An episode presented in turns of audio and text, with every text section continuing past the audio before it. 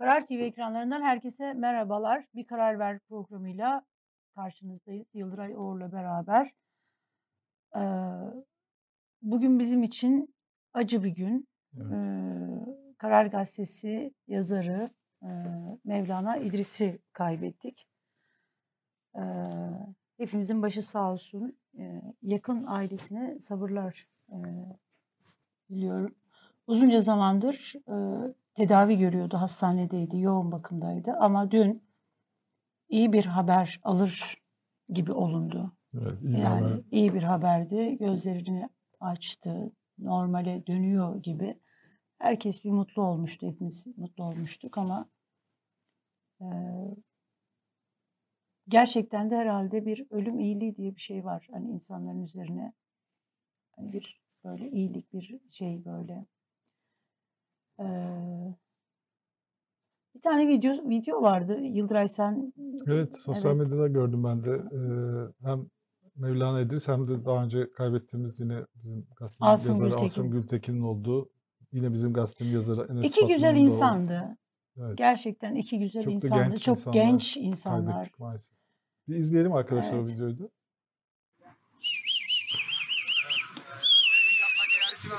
Bekliyoruz, bekliyoruz. Bekliyoruz. Ya Hadi o kadar hadi hadi hadi. Hadi kalk kalkmasın kalkmasın. Çok güzel.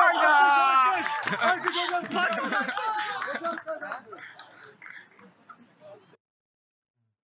2019'da bir dergi e, şeyinde, fuarında böyle bir şey yapmışlar. İkisini de çok iyi anlatıyor aslında. Böyle çok Evet. eğlenceli insanlardı.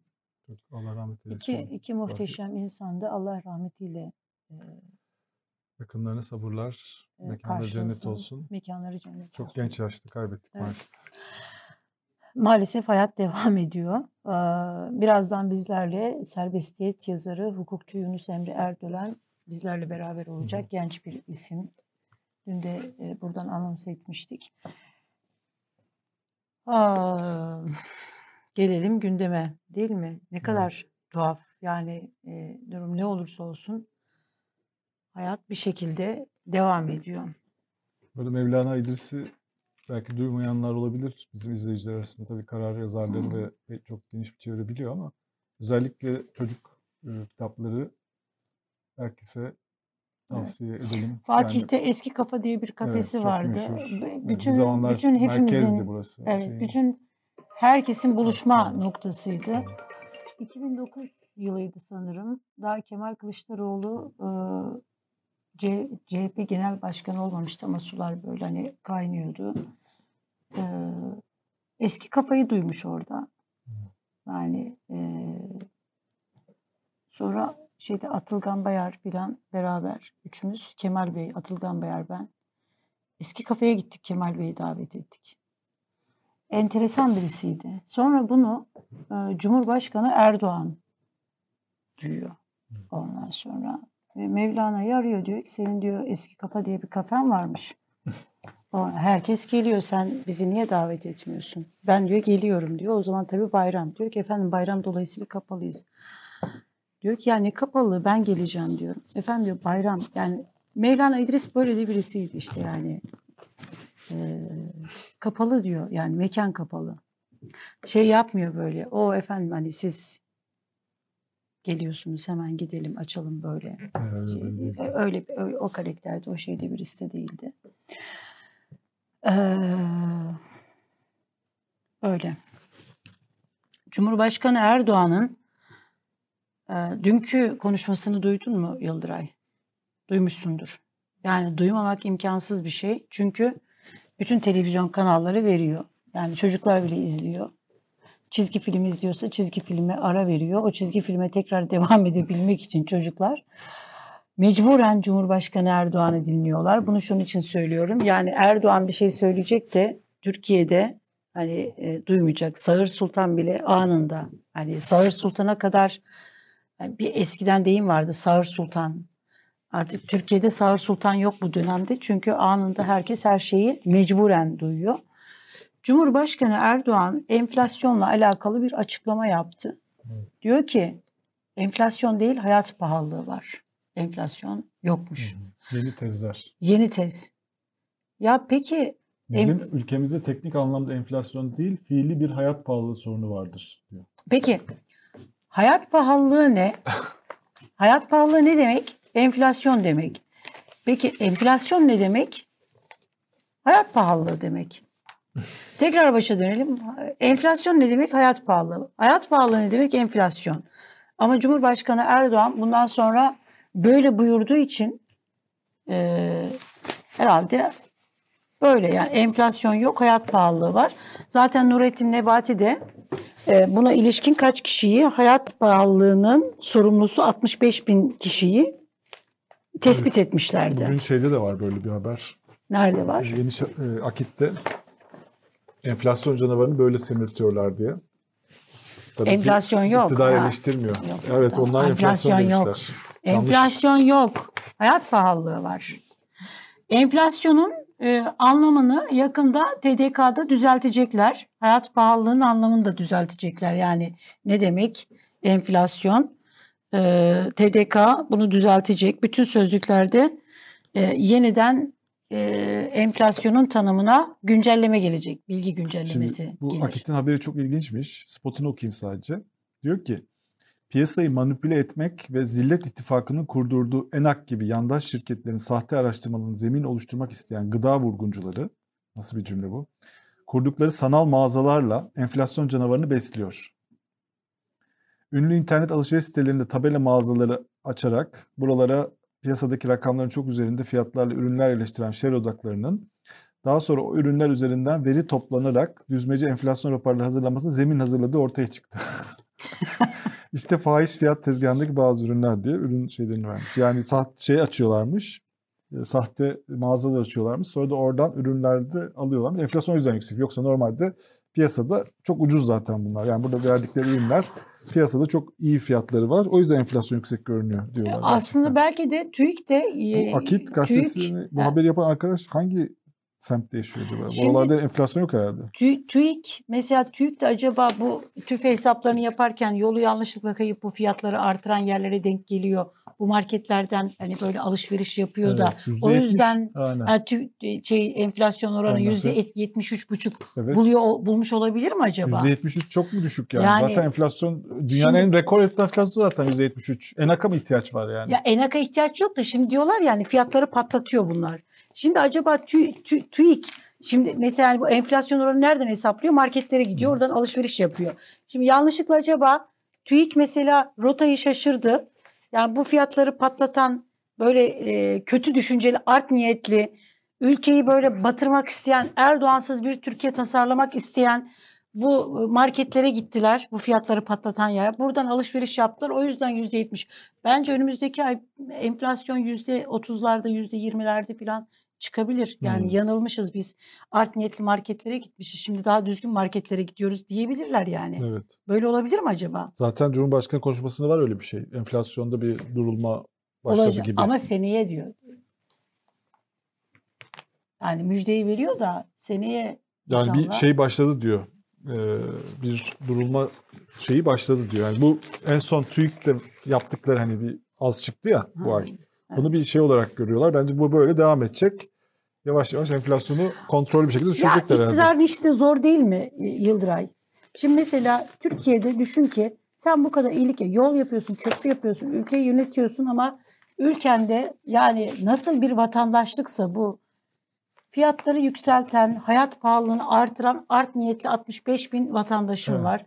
Öte taraftan TÜİK 20 yıldır ülkeyi yönetiyorsun ama TÜİK'in içerisinde böyle hani gerçek böyle e, enflasyon oranını e, direnen böyle içeride elemanlar Evet. var. Şimdi öncelikli olarak Görevden Erdoğan al al değişmiyor. Aa, görevden al al bitmiyor yani bunlar. Bitmiyor. Yani birisini Erdoğan ne yapsın ya? Birisini alıyor öte- öteki çıkıyor. Birisini alıyor öteki çıkıyor. E bunlar bir düzelecek. TÜİK ilk önce kız gibi olacak. Ülkede bir kız gibi olacak. O fiyat artıranlar falan filan bunların hepsi bir temizlenecek. Ondan sonra sen gör bakalım enflasyon kaçlardaymış. Gerçek enflasyon.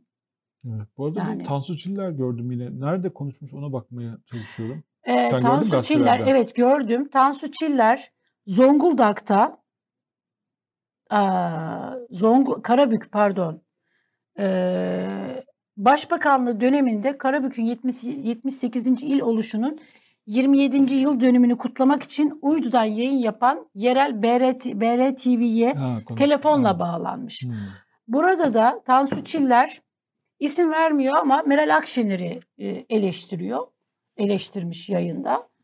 Diyor ki e, Meral Akşener sen önce diyor DYP'den milletvekili olacaksın.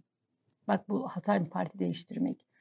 Olacaksın diyor. Ondan sonra diyor oradan kopup AK Parti'nin kurucusu Tam olacaksın diyor. Ha, AK Parti'nin kurucusu olmadı ki. AK Parti çok istedi Meral Akşener'i. Ama ilk defa Meral Akşener'e açıktan bir Hedef. şey, şey var. Evet. Şöyle diyor bak tam laflarını buldum ben. Şu an eksik gördüğüm bir şey var. Türkiye'de merkez sağ yok, merkez sol da yok. Merkez sağım diye ortaya çıkanlar merkez sağ değil. Doğru Yol Partisi'nden kopup sonra AK Parti'nin kurucusu olup sonra MHP'nin elini öpüp sonra ben merkez sağ olacağım diye bir takım milliyetçi ayakları kesen bir yaklaşımla merkez sağ olunmuyor.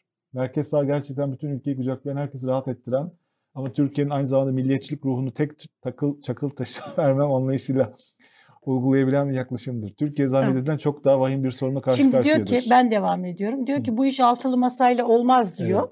Böyle bir dünya Türkiye'nin bölgesinde parçalanması için her iki blokta da uğraşıyor demiş. Özet veriyorum. İşte büyümeyi anlatmış. Ondan sonra Türkiye Türkiye'nin büyüme oranı 2,8 darbelerin de altında 2 veya 3'lü 3 partili koalisyonlardan bahsediyorum. %80 veya %90'da iki parti. O bile kimlerin ne olacağını bilmeyen bir ortam. Böyle bir ortamda diyor altılı masayla olamaz. Neden diyor? Daha diyor aday çıkaramamışlar. Seçim ilan edildi. Şimdi şeye göre, Tansu Çiller'e göre seçim ilan edildi. Bu pazar seçim olacak. Türkiye seçime gidiyor. Sandıklar kuruldu. Ama bu altılı masa hala bir böyle Cumhurbaşkanı adayını belirleyememiş. Diyor ki ne kadar iyi niyetli. Bunlar altılı masayla olmaz. Meral Akşener'le olmaz. Neden diyor? AK Parti'nin kurucusu oldu. AK Parti'nin kurucusu olmadı. Meral, şey Tansu Hanım. MHP'li oldu diyor sonra. MHP'li oldu. MHP'den oldu ama e, MHP'de direndi yani diredi. Orada bayrak aç dedik bir şeyler yanlış gidiyor. Şimdi diyor ki bunlarla olmaz. Kiminle olurmuş? Tansu Çiller açıklıyor. Diyor ki ben diyor ol- olabilirim onun diyor. Görev düşerse bak. diyor Bak, istenirse. Çok güzel söylüyor. Bak Evet. Tansu Çiller'in laflarını aynen vermek lazım. Özlemedin mi sen Tansu Çiller'in konuşmasını. çok bak şimdi okurken bile onun ağzından şey Milletin oluyorum. karar versin diyor. Bunun başını ben çekebilirim. Diyor ki, Bunun kurulmasına diyor, yardımcı olabilirim diyor. Hiçbir kişisel ikbal ya da sandalye dileğim yok. Türkiye'nin neler gelebileceğini Türkiye'nin neler gelebileceğini görebiliyorum. O yüzden bir merkez sağ ihtiyaç olduğunu düşünüyorum. Bunun kurulmasına yardımcı olabilirim. Bunun başını çekebilirim. Ne kadar mütevazı. Ben karar da vermedim. Buna milletim karar versin. Bakalım bu istek, bu gerek. Ben hep şunu söyledim. Bunu bana ısrar edildi şu ana kadar. Gel diye. Ama ben dedim ki niye geleyim? İyi gidiyor işler. Türkiye rahat. Büyümesi iyi. Bir ihtiyaç olacak. Ben bu ihtiyaca cevap verdiğini göreceğim ve Türkiye'yi çok büyük tehlike altında göreceğim. Bu ülkenin bana verdiklerinden sonra eğer benim üstümde bir görev varsa bunu yerine getirmekten kaçmamalıyım. Sevgili Kendi kendine konuşuyor sanki. Çok Yok, ilginç konuşuyor. hayır. Şimdi bu konuşmaların Kim? altı- Muhatap kim? arkasından o meşhur sevgili Zeytinburnular falan deyip böyle devam edecek. Ya Meral Hanım tamam diyelim ki altılı masayla olmaz. Diyelim ki Meral Akşener'le de olmaz. Ama sizinle hiç olmaz Başını ya. çekebilirim diyor. Yani ben başını çeke. bunun kurulmasına Başını da yardımcı çekme. olabilirim. Ben Yani- karar da vermedim. Halay başı da olma, halay sonu da olma. Ya bir oturun ve çocuklarınıza bakın. Oğlun, oğlunuzla ilgilenin, eşinizle ilgilenin. Böyle torun torba sevin. Yani ülke sizsiz çok rahattı. Ama bir şey yapacak çok belli. Belli. Şey yapacak da. Merkez sağ Evet. e, olmuyor diyor. Meral Akşener de şey yapmış, hedefe koymuş. Şimdi Tansu Çiller'i eleştirmek vatana ihanet sayılmıyor. Yani Tansu Çiller e, o yüzden hazır böyle eleşti- onu eleştirmek böyle suç sayılmadığı bir dönemde şimdiden söyleyelim. Gerçi ama şimdi biz bunu söyleriz. E, Bir ay sonra geçmiş bu konuşmalarımız suç sayılabilir. Yani Türkiye Allah muhafaza. Şeye bakalım mı? Dün başka bir şey oldu Yıldıray. Şimdi bu KKM, kur korumalı mevduat sistemini e, niye getirmişti Cumhurbaşkanı Erdoğan? Dar gelirli vatandaşın parasını korumak için. Demiştik yani siz elin dolarına işte faizi falan yatırmayın. Faiz haram. Dolara da böyle beslemeyin. Siz getirin e, elinizde yastığınızın altında işte hani paranızı falan buraya girin. Ondan sonra biz de sizin e, paranızı koruyalım. Siz de kazanın biz de kazanalım demişti. Bunun için getirilmişti. Sonra Nurettin Nebati çıktı bir açıklama yaptı ve Nurettin Nebati yalnız gerçekten çok sahici bir insan. Ben her geçen gün kendisini daha çok sevmeye başladım. Diyor ki biz diyor böyle bir yol ayrımına gittik. Şimdi tam sözlerini veriyorum. İtiraf etti. Yani kur korumalı özetle diyor ki kur korumalı mevduat sisteminden Türkiye'de işler tıkırında gidiyor. Dar gelirli vatandaş hariç herkes diyor bu sistemden kazanıyor dedi. Bir itirafta bulundu. Hı hı. Zaten böyleydi. Yani dar gelirlinin elinde parası yok ki. Şeyi yok yani nesini getirip de yatıracak. O parayı bulsa gider ekmek alır, makarna alır, patates alır, pazara çıkar. Yok yani yok parası. O da itiraf etti. Yani zengini daha zengin yapan bir sistemdi bu. Yani e, sonra bu açıklamadan sonra e, dün kabine toplandı. O kabine toplantısında e, ve kabine toplantısı devam ederken Nurettin Nebati kabine toplantısının içerisinden Twitter'dan mesaj attı. Ben öyle demek istemedim, böyle demek istedim falan diye. Şöyle söylüyor. Twitter'ında diyor ki e, ekonomi politikalarımızın tasarlanma aşamasında asla göz ardı etmediğimizi tem, etmediğimiz temel konulardan biri de dar ve sabit gelirli vatandaşlarımızın gelir düzeyini artırmak, refah seviyesini yükseltmek ve bu doğrultuda gerekli uygulamaları, tedbirleri ivedi bir şekilde hayata geçirmektir. Şimdi Allah bu böyle tarihinde görülmüş bir şey değil. Yani ne geçmiş parlamenter sistemde ne Cumhurbaşkanlığı hükümet sisteminde. Yani parlamenter sistemde biz bunu hiç görmedik ama Cumhurbaşkanlığı hükümet sisteminde de Sayın Nebati siyasi teknisyen düzeyinde bir adam. Dolayısıyla bir siyasi teknisyenin böyle bir toplantıda Cumhurbaşkanı konuşurken oradan böyle tweet paylaşımı yapacak. Bu görülmüş bir şey değildi. Bunu yaptı. Niye yaptı? Niye yaptığını Cumhuriyet Gazetesi'nden Selda Güney Su haber yapmış. İçeride Cumhurbaşkanı Erdoğan Nurettin Nebati'yi bayağı böyle bir kızıyor, azarlıyor. Sen ne yapmaya çalışıyorsun diye tepki gösteriyor. Bunun üzerine de bunu diyor düzelt.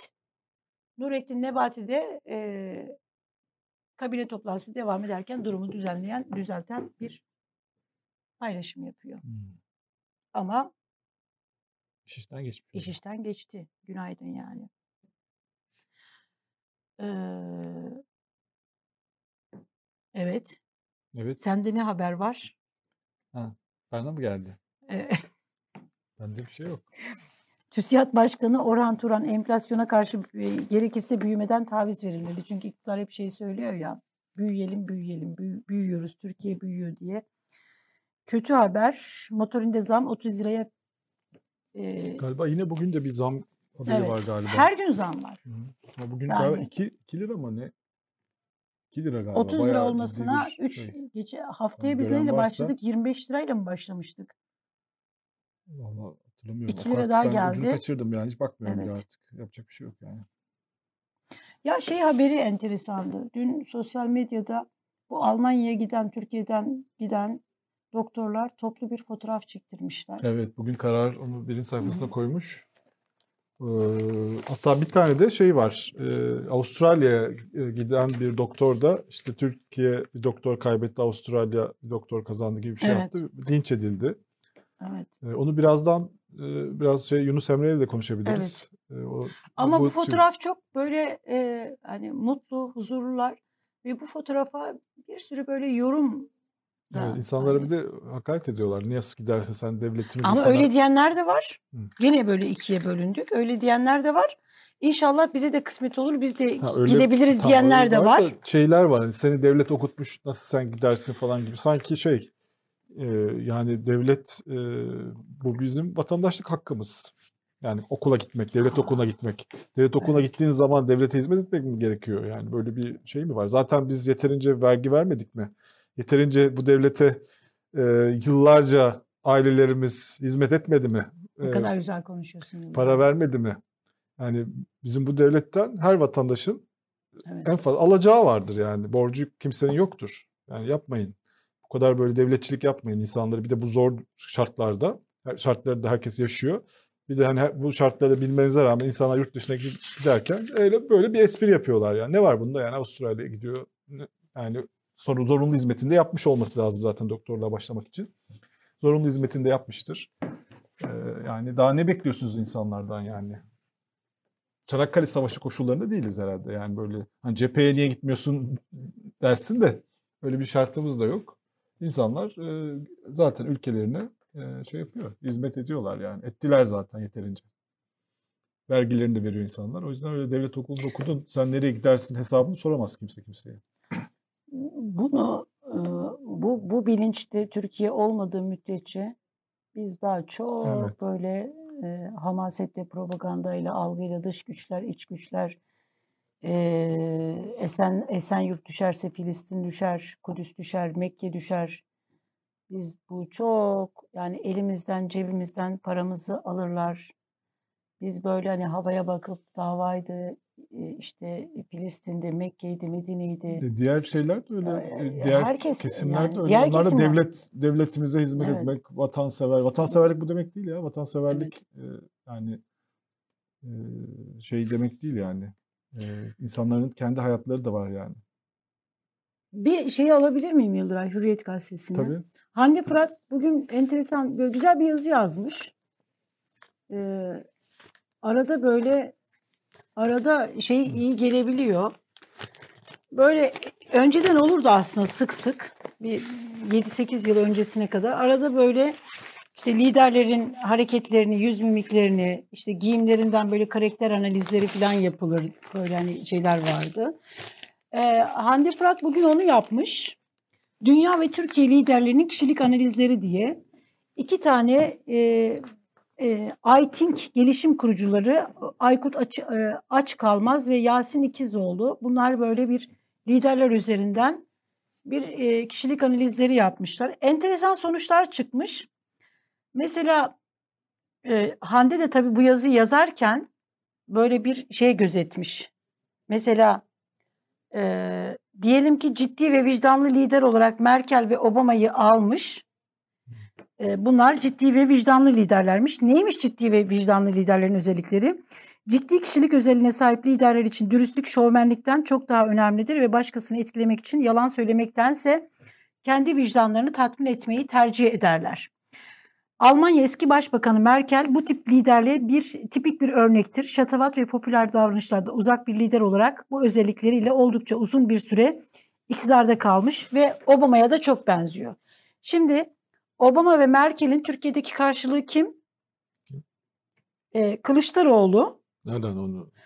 Diyor ki Kılıçdaroğlu ciddi kişilik demiş. Mesela diğerine ciddi ve vicdanlı liderler demiş. Ama burada mesela Merkel ve e, Merkel'le benzeşiyor demiş Kemal Kılıçdaroğlu için. E, şey söylüyor Kemal Kılıçdaroğlu'nun ciddi kişilik özelliği ön planda. iz bırakan kişilik özelliğini çok az gösteriyor. Giyimi, beden dili ben buradayım diye bağırmıyor. İskandinav ülkelerinde bu tip liderler çok daha makbul görüyor, görüyor demiş, görürler. Daha çok kabul Hı. görürler. Demek ki Türkiye İskandinav ülkesi oluncaya kadar Kemal Kılıçdaroğlu Cumhurbaşkanı falan olamaz mı? Neyse Diğer yani liderler bu kimler var Türkiye'de? şimdi mesela diyor ki Merkel'e çok benziyor demiş. Ondan Sadece sonra Kılıçdaroğlu mu var Türkiye'de? yok hayır hepsi var. Sadece burada bunları yan yana vermemiş ve mesela diyelim ki ciddi kişilik özelliği, vicdanlı kişilik özelliğini parçalamış burada Cumhurbaşkanı vermiş. Erdoğan var mı? Cumhurbaşkanı Erdoğan dominant lider, Bahçeli dominant lider, e? Putin dominant lider, Trump dominant lider. Bunlar e, dünyadaki böyle dominant yani Erdoğan ve Bahçeli, Trump, Putin şeyinde onlar. Neymiş bu e, dominant liderlerin özellikleri?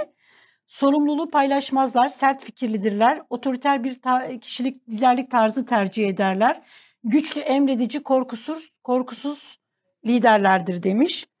Ee, Akşener sadık lidermiş. Sadık lider özelliğiyle Biden'a benziyor. Biden da öyle. Ondan sonra Bahçeli dominant, Kılıçdaroğlu ciddi, Erdoğan dominant.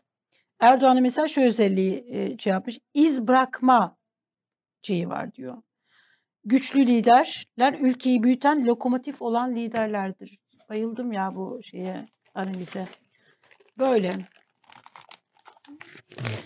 Yani e, İlginçmiş. ilginç ama yani bunları mesela alt alta şey değil böyle hani Türkiye hani bir dünya şeyi de vermiş ama Zelenski mesela iz bırakanlarda en belirgin Zelenski Zelenski'nin özelliğini özelliğini de şöyle şey yapmışlar.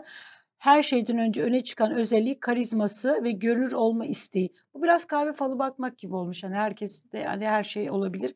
Hem hayatın sahnesinde olmak hem ekranda olmak onun için çok önemli demiş. Zelenski değişimi gerçekleştirmek için yola çıktı. Herkesi saran duygusal mesajları var. Bu duygusal mesajlar güçlü söylemleriyle birleşmediği için e, güçlü lider yani dominant lider imajına sahip olamıyor demiş.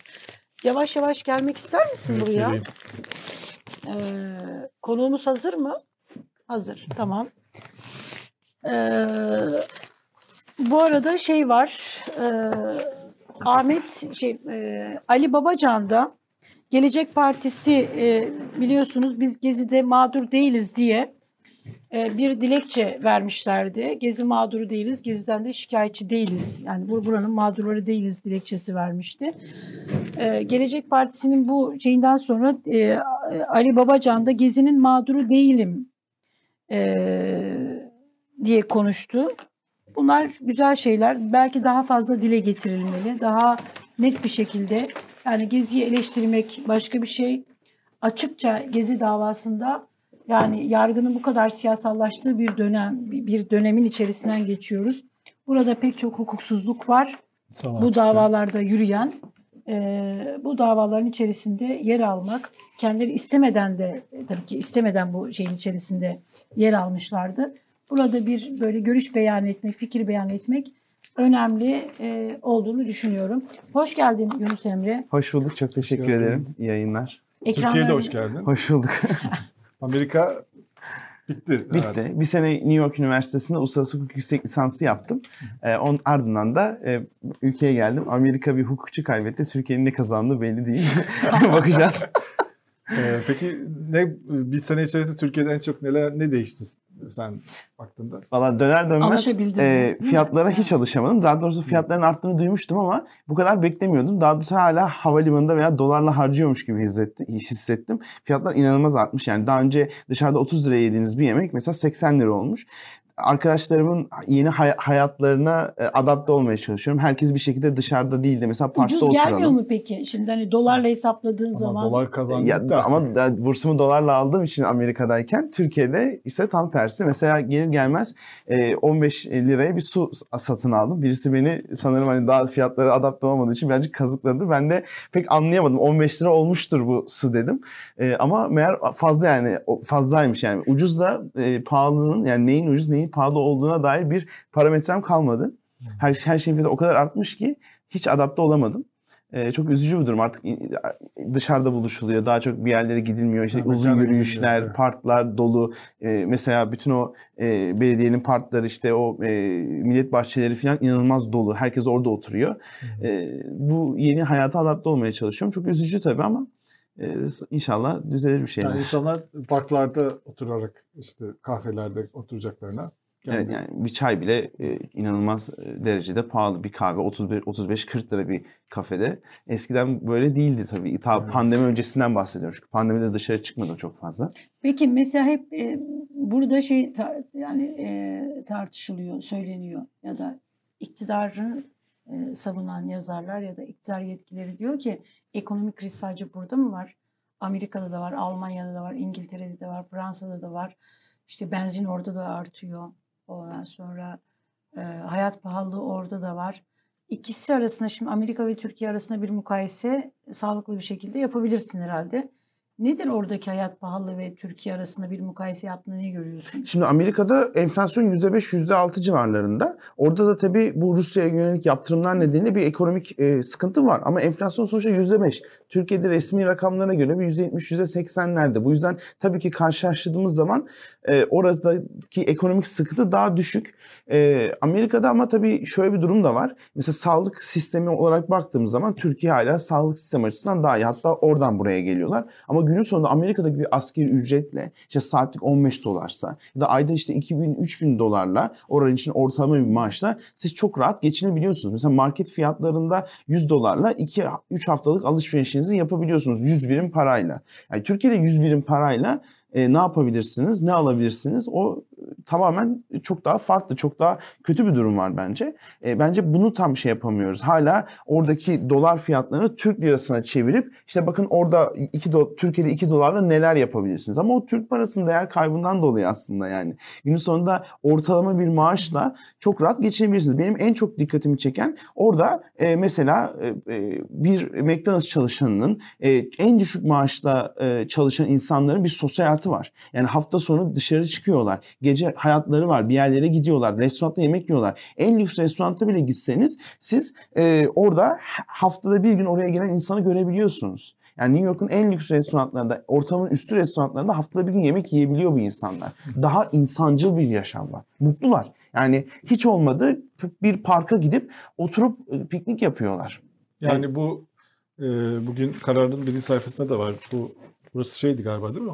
Alman, Hamburg. Hamburg evet. Böyle doktorlar fotoğraf paylaştılar. Bir tane de bir e, linç ol, oldu bir biri de. Onu tekrar verelim. Avustralya'ya gittiğini söyleyen bir doktor.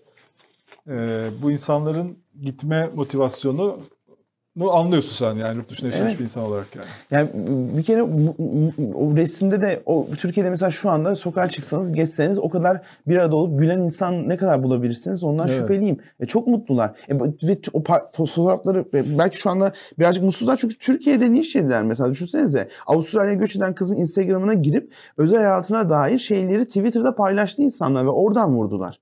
Yani aynısı Avustralya'da olsa bu bir suç, nefret suçu.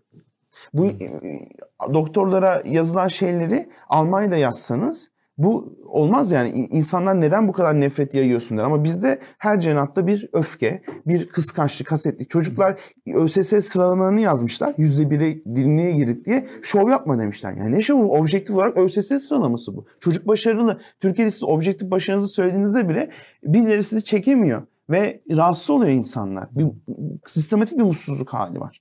Evet. E, bu çok üzücü ve orada insanlar belli bir e, mesela o insanların sonra Twitter, YouTube'larına girdim. Mutlaka girin o tweet'i paylaşan Doktor Hakan diye bir e, YouTube kanalı var. Oradaki doktor maaşlarını yazmışlar. Yani 3000 euro maaş alıyor. Ve diyor ki yani 100 euro bile kenara koysam annemlere yollasam büyük bir katkı sağlıyor diyor. Mesela benim şu anda bir sürü çok iyi okullarda okumuş doktor arkadaşlarım e, gitmeye çalışıyor. Şimdi çok kişi gittiği için şu anda gitmek de o kadar kolay değil anladığım kadarıyla. Bir şey Pozisyon az. evet. Vize çok zor veriyor Almanya çünkü artık anladı bu durumu filan. Ama gidemeyenlerin de hikayesi var. Burada kalanlar da mutsuz gitmeye çalışıyor hala burada. Yani e, o fotoğrafa bakıp ilk aklımıza gelen bu insanlar neden e, gidiyorlar? Bu insanlar neden orada çok mutlular, burada mutlu değiller sorusu değilse bu fotoğrafların sayısı artacak. Ve bunun yerine hala bu insanlara kişisel olarak saldırılıyor. E, sistemin bir sorunu var demek ki bu insanlar gidiyor. Yurt dışında yaşamak tamam güzel ama inanılmaz da kolay değil. Günün sonunda ülkeni özlüyorsun, anneni özlüyorsun. Oradayken Türk olmanın getirdiği bir şey var. Türklere yönelik çok insanlar çok iyi, değil yani. Geçen New York'ta e, bir çocuk sırf Türk olduğu için bıçaklandı. Ve Twitter bu çocuk neci, neden kaçmış, göç mü etmiş, bir sıkıntılı mı, sakıncalı mı diye bunu tartıştı Türkiye'de. Bazıları haber yapmadı çocuk e, kimdir, nedir bilmediği için. Yani e, bunu bu sorunun temelini bilmeden yine biz e, yüzeysel tartışma yapıyoruz ama kimse sormuyor bunlar neden gidiyor ve biz ne yapmalıyız? Çünkü hiçbir zaman suçu kendimize aramıyoruz. Bu topraklarda ara- aramıyoruz suçu. Ee, sen aynı zamanda Robert Koleji mezunusun. Ee, sonra Galatasaray Üniversitesi'nde okudun. Evet. Senin çevrende yurt dışına gitmiş olan ya da gitmek isteyen çok fazla insan olduğunu tahmin ediyorum. Böyle çok var mı arkadaşlarından böyle Çok yurt var yani. olan? Yurt dışında çok arkadaşım var. Şu an e, Amerika'da, New York'ta İşi daha çok olup da yani burada çalıştığı halde gitmek isteyenler mi yoksa işsiz Karışık olup- yani. karışık. Liseden zaten bizim dönemimizde %60 e, Türkiye'de kalıyordu. %40 yurt dışına gidiyordu. Ben hatta böyle Çünkü okul... işi olanlar da gidiyor burada. Evet. E, yani Yani eskiden böyleydi. Eskiden böyleydi. Hatta Türkiye'de kalmak çok radikal değil. Şimdi bu oranlar bakın e, daha iyi liselere, iyi Anadolu liselerinde bile yurt dışı oranlar arttı. Şu an Robert'in %60, %70 yurt dışına gidiyor. %30'u Türkiye'de kalıyor. Çok şey bir rakam yani çok üzücü bir rakam. Alman lisesi keza öyle. Bütün özel üniversite yabancı e, lar- yabancı ülkeler arasında iletişim olan okullar öyle. Şimdi mesela buradaki çoğu arkadaşım özel sektördeki arkadaşım yurt dışında iş bakıyor. Yani ve bu çok yoğun bir şekilde her gün yeni bir insanın taşındığı haberi geliyor. Ee, bu, yani bu insanların çok politik olmasına da gerek yok. Hiç siyasetle ilgilenmeyen biri de e, salt ekonomik nedenlerle e, orada daha iyi bir hayat yaşayacağını tayin ediyor ve gidiyor. Türkiye'de bağını koparmıyor. Geliyor yazın ama orada çalışıyor. Çünkü gerçekten oranın en düşük maaşı bile şu an belki burada alabileceği maaştan yüksek TL'ye çevirince. Bir de şu var e, yani sadece böyle hani burada daha az kazandığı için gitmiyor bu insanlar. E, bir anket vardı hani işte şu kadar paraya e, İsviçre'de mi yoksa işte 10 bin dolara Suudi Arabistan işte yani bu buralardan yaşamak istersiniz gibi. Biraz bizim durum ona da benziyor galiba Yunus Emre. Yanılıyorsam lütfen söyle.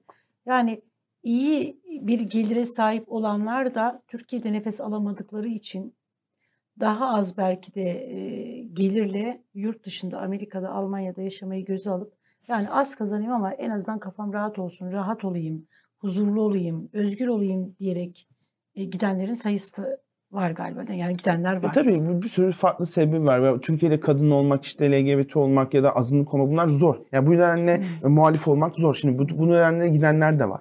Ama günün sonunda e, yani e, çoğu insan birazcık daha e, Türkiye'den bu yoğun gündeminden de rahatlamak için de gidiyor. Yani mesela oradaki birkaç arkadaşım Türkiye'deyken her gün Twitter'a giriyordum. Çok mutsuzdum. Ama oradayken tamamen koptum ve normal bir e, hayat yaşıyorum. İşte mesela ben konuşuyorum işte aa bakan istifa etmiş falan diyorum. O kim diyor mesela. Ve bunu deyince çok mutlu oluyor. Yani o gün istifa eden bakanın ismini bilmediği için çok mutlu oluyor.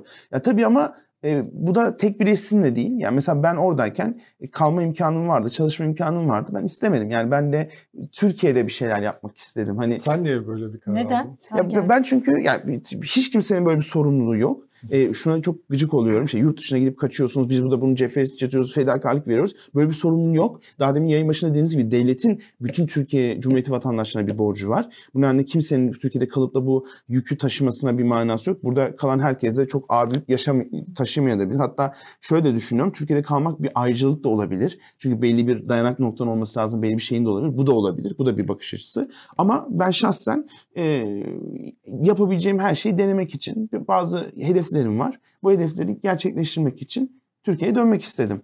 E, içimde kalacaktı bu yurt dışında yaşasaydım. E, Türkiye'de bir şekilde e, şey yapmak istedim. E, elimden gelen ne varsa işte bu akademisyenlik olur, Direnmek, yazar. mücadele etmek mi? Direnmek, Yani. mücadele etmek o kelimeler çok büyük kelimeler ama günün sonunda e, kendi yazmak istediğim hikaye var.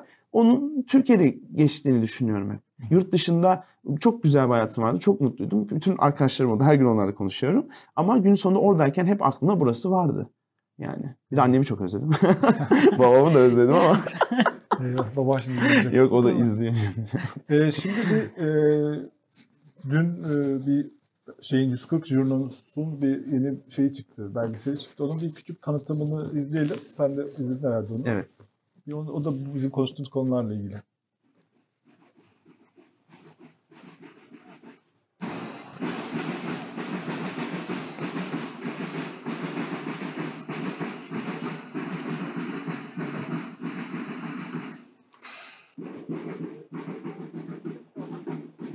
Hani milleti bilinçlendirmek istiyorsak e, İsrail'in nasıl kurulduğuna baksınlar. Şu an Türkiye'nin içinde farklı 70 senedir CHP iktidarda değil. Değil. Daha bir dakika. Altı parti bir araya geldi doğru mu? Geldi. Senin şu anda Cumhurbaşkanı bir belli yandan şeylere sattılar burayı. Şu beyaz giyenler var ya. Burada. İkincisi köprü yapmışsın, yol yapmışsın değil mi?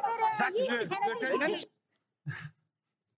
Evet, bu e, aslında şey sokak röportajları e, üzerinden bir belgesel ama bayağı şimdi şey de vermeyelim. E, çünkü güzel bir yerlere bağlanıyor belgeselin Evet. şeyi. Çok uğraşmışlar gerçekten.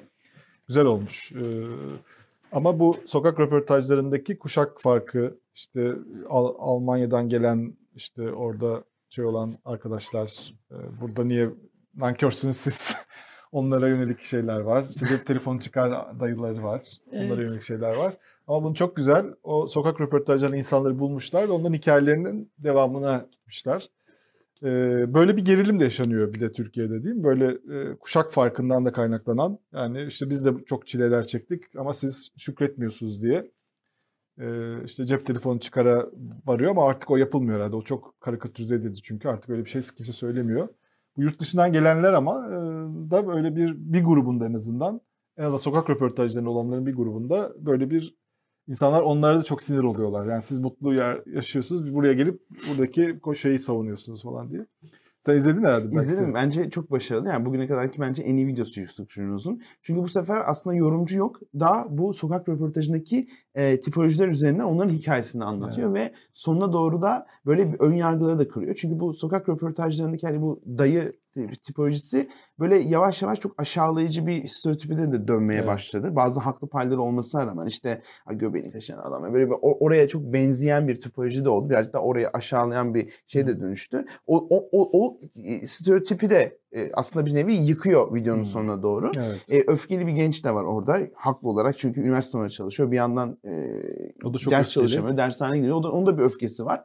E, ama o da, da dayıyla konuşuyor. Sonra dayı videonun sonuna kadar hiç eleştiri yapmadan videonun sonunda çok sürpriz bir şekilde her şeyi döküyor. E, mesela bu da e, bence çok ilginç. O yüzden bu videodaki bu sıradan insanların hayatlarını bize göstermesi, onların hani düşünce yapısının içine gir- girmemiz e, bence çok e, zihin açıcı. Bence bu video o yüzden en etkili videolardan biriydi. Peki benzerlik olur mu bilmiyorum ama hani kuşak farkı. Şimdi mesela e, zaman zaman Cumhurbaşkanı Erdoğan da belki hani e, anneler babalar da çocuklarına işte hani 50 yaş üstü özellikle hani e, dindar kitleler e, ya da işte geçmiş eski Türkiye'deki o yokluğu, yoksulluğu gören e, aileler e, Mesela Erdoğan da sık sık diyor ki gençler diyor eski Türkiye'yi bilmez. İşte tüp kuyruklarını, gaz kuyruklarını, ekmeklerin bi- biletle, ekmek karneleriyle alındığı dönemleri bilmezler. Şimdi zannediyorlar ki bu gençler hani Türkiye hep böyleydi. Oysa hani hallerine şükretmeleri için eski Türkiye'yi de anlatmak lazım. Bu tür söylemleri gençler duyduğu zaman mesela hani sen duyduğunda ne hissediyorsun? Gençler hani bu, bu, bu tür yorumları eee, ya da sözleri nasıl değerlendiriyorlar? Yani bütün Yankısı ne oluyor? yani bütün gençler adına konuşmam çok doğru olmaz ama en azından gözlemlediğim kadarıyla şu var. Bir kanaat vardır ama. Evet yani gün sonunda e, bir, gün- bugün gençlerin çok yaşadığı sistematik sorunlar var. Mesela bugün ne kadar çalışırsak çalışalım bizim neslimiz bir ev ve arabayı zor alacak tamam mı? Yani bu gerçeğin üzerinden e, bunu görmeden geçmişte bizim yaşa- yaşamadığımız sorunlarla karşılaştığımız zaman bu zaten bir tutarsızlık ve öfke yaratıyor. Ya da mesela e, şu Twitter'da çok görüyoruz. Mesela başörtülü bir kız ne zaman e, hükümete abi eleştiri yapsa sen hükümet sayesinde o üniversitede okuyorsun. Şükret diyor. Yani hatta belki da diyor ki başörtünle şu anda çalışabiliyorsun. Evet. Haline şükret. Şükran vergisi bile yani e, koyulsun. Yani her yap, yapılan şeyde "Ay şükrederiz. Çok teşekkürler. Ya da tam tersi geçmişteki bütün e, muhafazakar caminin hatalarını onlara yüklüyor karşı cenah mesela. O zaman da diyorlar ki e sen öz eleştiri ver. Kız ki ben öz eleştiri vermiyorum. Ya da bugün işte ben e, liberalim özgürlükçüm dediğin zaman 2010 referandumunda şey yaptığını söyledi. Ya Diyor benim oy hakkım yoktu diyor çocuk. Yani bütün e, e, tabii ya bugün bana gelen Twitter'daki mesajları size okusam 2010'da şeyini verdi yani ama e, günün sonunda tamamen ya geçmişin hatalarını, yanlışlarını bir neslin üzerine yüklüyorlar ya da kazanımların yükünü yüklüyor. Ama ikisi de yanlış. Çünkü bugünkü sorunu görmezden gelip konuşturmuyor. E bugün ne var? Bu gençler ne kadar çalışırsa çalışsın, ne kadar yüksek maaş alırsa alsın. Bu e, piyasada bu- bu gençlerin böyle bir tutunma, bir yatırım yapma, bir ev alma şansı yok. Benim bir sürü arkadaşım evliliğini erteliyor. Benim bir sürü arkadaşım birisiyle tanışıp bir şeyler yapamıyor. Yani e, flört edemiyor en basitinden. Bu, bu sorunları konuşamıyoruz ama bunların hepsi çok basit sosyal hayatın en e, derinden etkileyen şeyler. E, çok mutsuz bir nesil geliyor ve her şeye rağmen de bence inanılmaz şükrediyorlar. Bugün Türkiye'deki gençliğin yaşadığını başka bir ülkede gençlik yaşasaydı e, çok daha farklı bir şey olurdu. Hala gençlerin oy kullanmanın %90, %95'lerde. Türkiye'de hala sisteme, politikaya, değişime inanıyor bu gençler. Amerika'da gençlerin %40'ı sadece oy kullanıyor. %45 oy kullandığı zaman Amerikalılar şükrediyor. Bu sefer gençler sandığa gitti diye. Ya bu kadar hala Türkiye'den umudunu kesmemiş. Bu kadar hala yurt dışı göç etme e, oranlarına rağmen Türkiye'de kalmayı tercih eden, sistemden umudunu kesmemiş, oy kullanan, hala sandığa güvenen bir gençlik var. Bu tabloya hiç kimse bakmıyor. Hala iki, her tarafta bu var. Gençlere karşı bir üstten bakış ve e, işte olmamış bu nesil.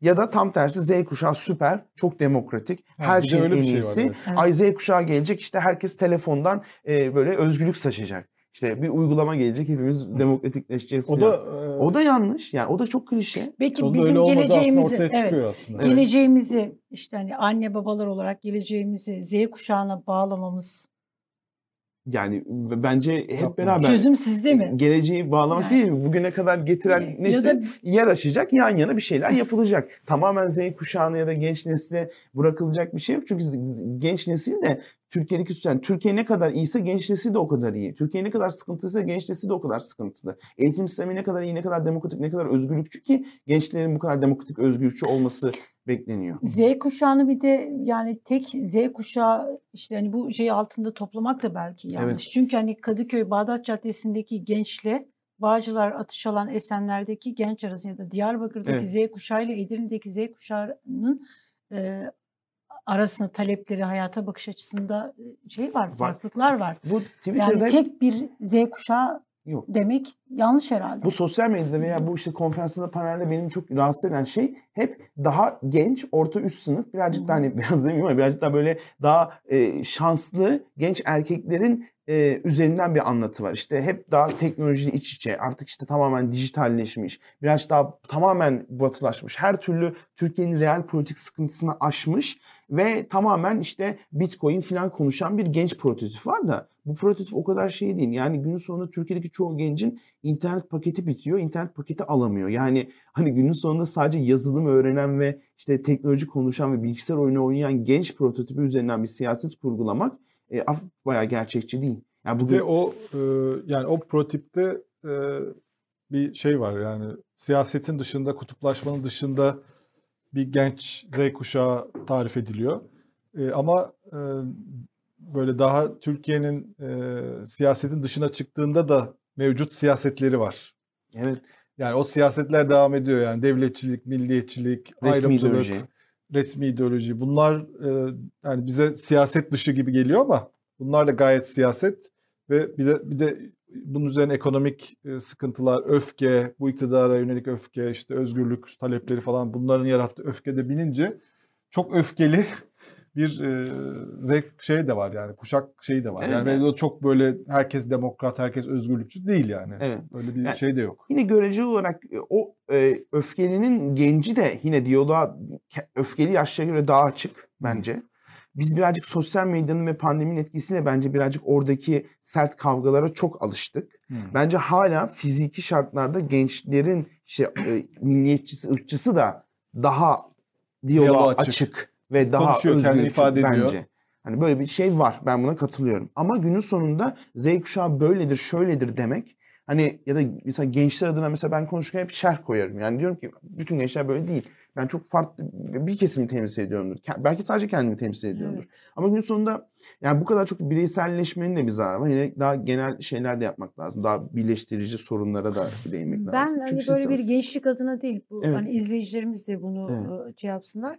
Bir kitle adına Evet. değil ama düşüncelerinizi Evet. merak ediyorum, e, önemsiyorum. Çok Çünkü hani belki bir yerde benim de işte hani senin yaşında oğlum var, senden daha büyük işte oğlum var, kızım var.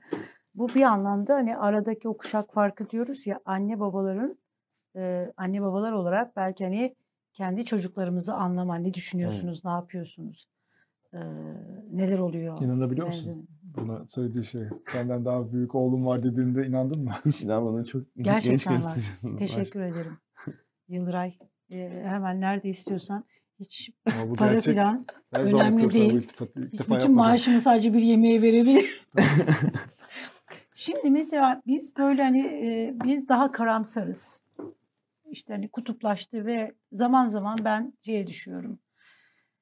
Yani e, geçmiş tarihi okuduğu okuduğumuzda da yani hep böyle olmuş. Ha, diyoruz ki hani bu ülkeden de artık hani hiçbir şey olmaz. Bu kadar sert kutuplaşma, bu kadar şey. E, bu kadar mesela bu sert kutuplaşmayı sen nasıl okuyorsun? Yani buradan bir çıkış yolu görüyor musun? Yani bir toplumsal uzlaşma sağlanır mı? Çıkış yolu olarak siyasetçileri dinlediğinde ya çıkış yolu aslında şurası. Bu kutuplaşma şu yapılırsa biter dediğin ne var mesela? Ne, nerede görüyorsun çözümü? Ya ben birazcık daha hani çok bunu yazdım hatta bir oluşum Hı da hı. kurduk bunun hakkında ama yani genel olarak Türkiye'de özellikle bu e, kentleşmenin artmasıyla ve son dönemlerde bu daha çok ortak kamusal alanlarda her şeye rağmen farklı kesimlerin bir araya gelmesiyle birlikte bence bir e, grileşme var. Ya şimdi günün sonunda e, üniversitelerde bugün muhafazakar camiadan da Evet. işte daha seküler camiadan da milliyetçilerden de Kürtlerden de her yerden insanlar gelip bir arada okuyorlar. Ve bu insanlar ortak kamusal alan paylaşmak zorunda kalıyorlar. Bu çok Türkiye'nin yaygın hikayesi olmayabilir. Ama günün sonunda bugün herhangi bir gence sorduğunuz zaman e, farklı kesimlerden bir sürü arkadaşı var. İşte başörtülü arkadaşı da var, seküler ateist arkadaşı da var. İşte milliyetçi arkadaşı da var, Kürt arkadaşı da var. Bunlar her konuda uzlaşmasa bile beraber bir şeyler yapıyorlar. Ve bu ortak yaşamı kurgulama parametreleri var. Yani mesela diyor ki işte ben bugün e, işte alkolü mekana gidelim. Aa işte ben oraya gelmeyeyim. Aa tamam o zaman buraya gidelim bu hafta. İşte yarın öbür gün bunu yapalım. Şöyle yapalım. Yani böyle bir daha e, birlikte yaşamın e, ipuçları sıradan hayatta. Bazı büyük tartışmalar o sıradan günlük hayatı etkilemiyor. Ve biz ne kadar çok farklı fikri aynı platformda dile getirilmesini sağlarsak o insanlar birbirine alışıyorlar. Twitter tam tersi bir parametre. Hmm. Mesela ben daha demin yazdığım şey hakkında bir flo- konuşma float yapsam en az 200 RT comment işte aa sen bucusun bucusun sen uzlaşması orta yol. Ama orası ayrı bir Evet dünya. ama mesela oraya Ve bakarsanız hiç gündemde kutuplaş... Evet, ama evet. Yani hiç orada kutuplaşmanın çözümü yok orada. Ama tam tersi o RT komentleri atanların da kendisinden farklı düşünen arkadaşları var. E, biliyorum. Yani onlarla beraber takılıyor ve farklı fikirleri de tahammülleri var. Ama orada yarattığımız persona tam tersi işliyor. Yani e, o yüzden ben fiziki hayat ve gerçek hayata e, dönüşün... ne e, kadar ciddiye almalıyız mesela sosyal medya ağlarını? e, Mesela şimdi ben şöyle görüyorum. Ya sosyal medyada işte o bin RT, retweet işte şu kadar takipçi, şu kadar işte alıntılar falan. Hani e, TT olmak, gündemde işte filan. Bunlar çok başarılı olsaydı yani burada böyle hani siyaset gündemi değişseydi, Türkiye'nin kaderi değişseydi 2013'ten bu yana e, AK Parti diye bir şey olmazdı, iktidarda kalamazdı. Orası başka bir alem, başka bir dünya. Ama biraz orayı da çok fazla mı önemsiyoruz acaba hani orada hani o konuşulan ya da TT olan şeyleri? Çünkü Anadolu'ya gittiğin zaman oy potansiyeli oralar. Onların gündemi başka bir şey yani tarlada çalışan insanların ya da bakkalın, esnafın, pazarcının e, daha farklı ve onların gündeminde aslında sosyal medyada konuşulan şeyler çok fazla da yok. Yani orası gibi. öyle tabii. Örneğin Yani ben böyle bakıyorum. siz- sen, sen, sen nasıl bakıyorsun bilmiyorum. Sizin o konudaki gözleminiz daha şeydir. Hani sonuçta ben sahayı bilmiyorum. Çok uzun zaman oldu. Ama günün sonunda e, sosyal medyanın da ciddi almanın bir hani limiti var tabii. Çünkü e, iyi içerik üretirseniz mesela şu anda bizi iz- dinleyenler de sosyal medyadan geliyorlar bize. Evet. Ya da mesela ben ilk yazılarımı orada yazdım. İşte Evet. Yıldır abiyle orada tanıştık. Yani her ilk serbestliğe geçmeden önce Twitter'da kendi yazılarımı kendi platformumda yazıyordum. Yani pozitif bir içerik ürettiğiniz zaman sosyal medya çok iyi. Ama ne zaman siz orada başkasının üzerinden ve bir e, öfke ve karşılık üzerinden bir kimlik kurguladığınız zaman o olumsuz etki ediyor ve o insana da zarar veriyor. Bence bunu görerek hareket etmek lazım ama alışmak da lazım. Sonuçta ben mesela artık bana dalga geçenler işte bana laf sokanlarla ben arkadaş oldum. Yani ben, benim gifimi yapıyor, dalga geçiyor. Ben de ona aynı espriyle cevap veriyorum. İşte bana diyor ki ya çok makul bir insan, "Aa, çok makul çıkmış, çok gri çıkmışım diyorum. Ben de onunla dalga geçiyorum ve bir muhabbetimiz oluyor. Yani günün sonunda o öyle bir persona yaratmışsa o da o, olacak. E, O demokratik bir hakkı eleştirmesi. Küfretmesi de demokratik bir hak bence. Hakaret suç olmamalı bence. E günün sonunda o, o, o yaşanıyor. İtibar e, suikastı veya iftira olmadıkça çok sistematik bir kötü niyet olmadıkça buna da alışmak lazım. Ama e, bunu aşmanın yolu da e, sessiz kenarda durup işte ay buna like atmayayım, bunu RT'lemeyeyim, kendi görüşümü yazmayayım dediğiniz anda da ona o vasata e, vasatın tahakkümüne yol açıyorsunuz. Burada inadına pozitif gündemi yaratmak, inadına e, içerik üretmek ve yeni şeyler yazmak, e, söylemek lazım. E, bence bu, bu aşılıyor. Mesela ben en çok linç yediğim zamanlarda e, hep birileriyle laf yarıştırdığım zaman linç edildim. E, çok kendime öz eleştiri verdim. Yani bu sen de bu kadar insanları böyle laf sokmaya çalışma, ima etme. E, ne zaman en az linç yedim? En çok yazı yazdığım zaman e, az linç edildim. En çok ürettiğim zaman az linç edildim.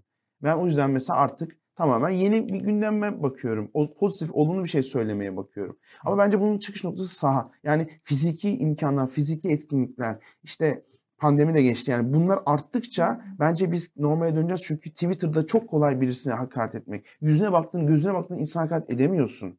Utanıyorsun. Yani e, bu çok aşırı ırkçı bir insan bile, çok nefret dolu bir insan bile Twitter'dan çok rahat edebilir ama yüzdeyken zorlanıyor. Ya bu çok klişe ama bu doğru. Avrupa, Amerika'da da böyle mi mesela Evet. sosyal medyanın kullanımı? Evet. Aynı mı? Amerika'da zaten meydan dediğimiz bir şey yok bu sırada. Yani şehir meydanı yok. Zaten kamusal alan az. Zenginler çok iyi yerlerde, fakirler çok ayrı yerlerde.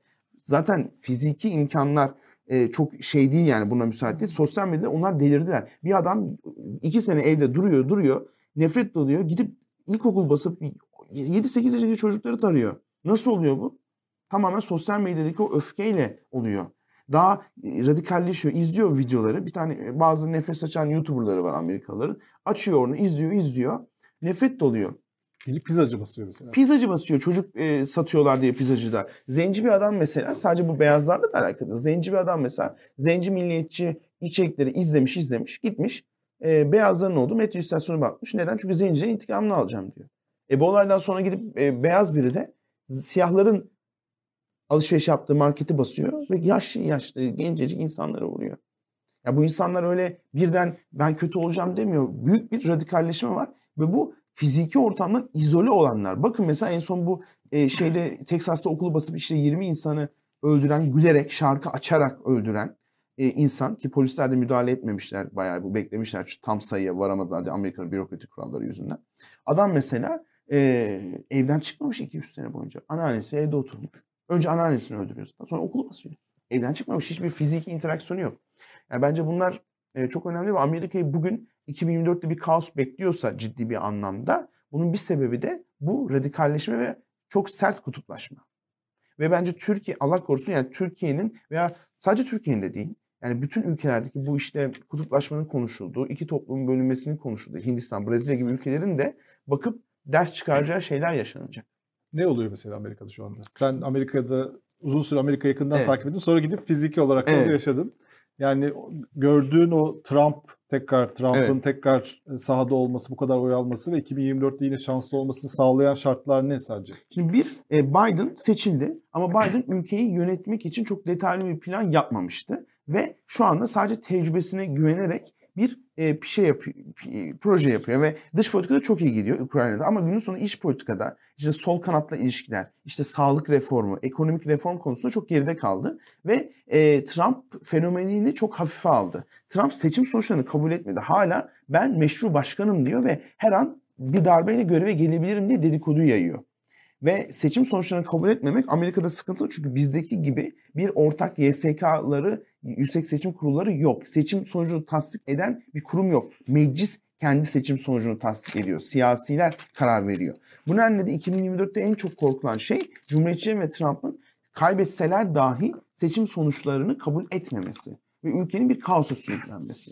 Bunu Beyaz Saray'da çalışanlar da söylüyor. Yani bu çok böyle e, komplo teorisi değil. Çünkü e, Trump e, şu anda parti içinde ki buna işte Mehmet Özgür bizim tanıdığımız isimler de dahil hep kendi sıkı yandaşlarını önemli pozisyonuna getiriyor ve 2022'de yapılacak ara seçimlerde Senato ve Kongre artık tamamen Trump'ın e, çok sıkı e, hiçbir şekilde ona hayır demeyen destekçileriyle dolacak. Ve bu insanlar seçim sonuçları seçim gecesinde Biden veya demokratlar kazanırsa biz bu seçim sonucunu kabul etmiyoruz diyecekler. Kongre baskını bir başlangıçtı. Ve iki Amerika var. Yani Cumhuriyetçiler diyor ki Biden bizim başkanımız değil. Ya Cumhuriyetçiler 3 Kasım'dan bir gün önce ülkenin Çinlilerin işgal ettiğine inandılar. Çin, Çin tankları New York'ta yürüyor diye insanlar tweet attı. Bu kadar farklı bir realite var şu anda orada. Farklı şeyler okuyorlar, farklı medya okuyorlar. Ortak gazete yok, ortak televizyon yok. Farklı gerçekler var. Farklı Twitter'lar var. Trumpçılar artık Twitter'da değil, Truth diye gerçek adlı bir sosyal medya platformundalar. Yani çok e, ve buna hazır değil demokratlar. Peki Çok ne buluyor insanlar bu Trump'ta?